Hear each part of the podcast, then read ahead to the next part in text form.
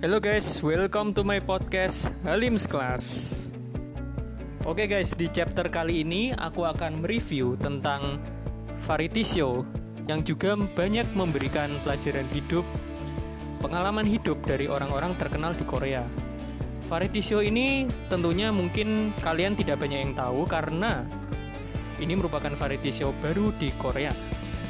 Variety show ini bernama Jipsabu atau bahasa Inggrisnya yaitu Master in the House.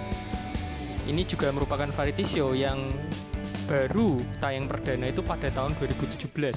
Tentunya dengan empat member yaitu Lee Sung Gi, Yang Seong, Lee Sang Yun dan Yuk Sung Jae. Nah, seiring berjalannya waktu, variety show ini tentunya ada pergantian member di tahun ini yaitu dengan penambahan member baru di awal yaitu Shin Sung Rock dan juga pergantian member di mana Lee Sang Yeon dan Yoo Sung Jae itu mengundurkan diri dan diganti dengan Kim Dong Yoon dan Cha Eun Woo.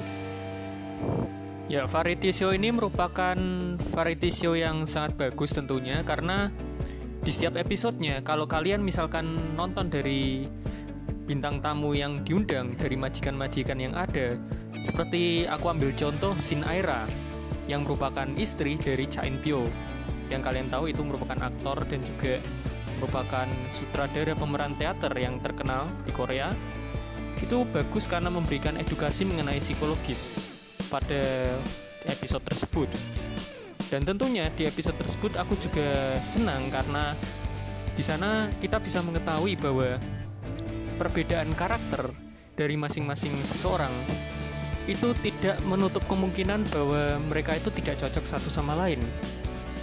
Malah jadi mereka bisa melengkapi satu sama lain. Nah, itu salah satu contoh dari episode yang aku senang di Jeep Sabu. Untuk episode-episode yang lain yaitu pada episode um, siapa? Lee Dokwa yang merupakan aktor senior yang berada di Korea yang juga terkenal dengan slogan-slogan terkenalnya pada saat itu. Ya, di situ kita belajar juga bahwa kita harus menghargai karya dan juga pengorbanan orang tua kita.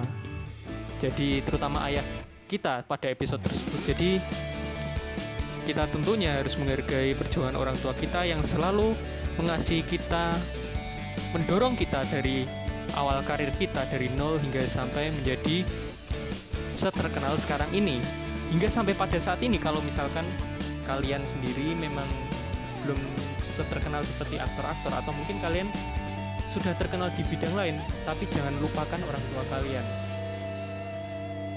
lalu untuk episode yang aku senangi berikutnya yaitu episodenya yang waktu dibintangi oleh Kim Sumi yang merupakan komedian senior dan juga aktris senior di Korea pada zaman itu.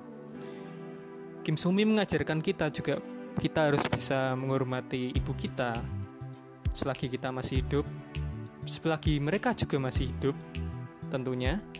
Dan kita juga harus mengetahui apa kesenangan dan juga apa yang diharapkan dari orang tua kita kepada kita.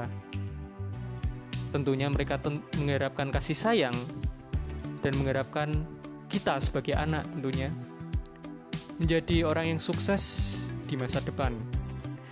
Dan di episode ini aku juga belajar bahwa kapan sih hari terakhir kita dalam hidup? Kita harus selalu berjaga-jaga tentunya. Supaya kita pada saat meninggal nanti kita bisa memberikan yang terbaik untuk orang-orang di sekitar kita, terutama untuk keluarga kita, guys. Itu juga merupakan episode yang paling aku senangi, senangi juga. Lalu untuk episode yang aku senangi juga adalah episode dari suaminya Shin Aira yaitu Cha In Pyo yang aku sebutkan di awal tadi. Di mana dia adalah orang yang disiplin, orang yang tepat waktu dan melakukan jika memikirkan suatu ide, suatu rencana, itu harus segera dilakukan.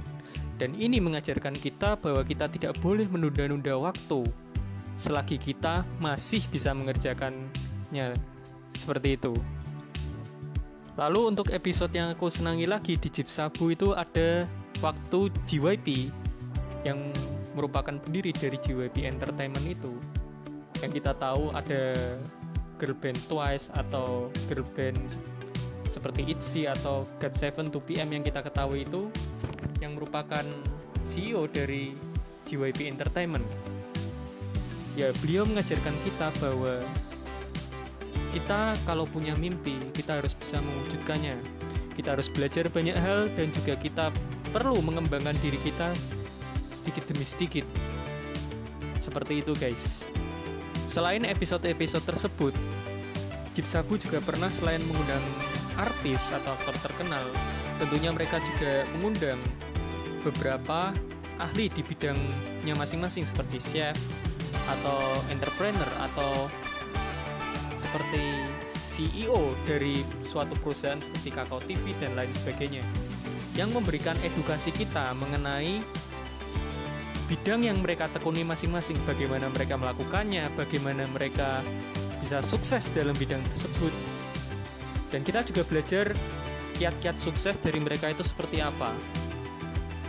Dan yang aku senangi lagi pada episode yang mengandung hal yang edukatif seperti itu ya guys. Kita juga tahu terutama pada episode waktu itu adalah episode tentang global warming. Kita jadi tahu dan aware bahwa dunia kita yang saat ini kita tempati itu belum tentu seaman seperti zaman dulu.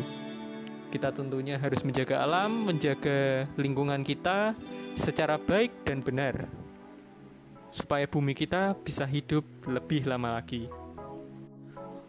Oke, mungkin itu sekian dari podcast kali ini.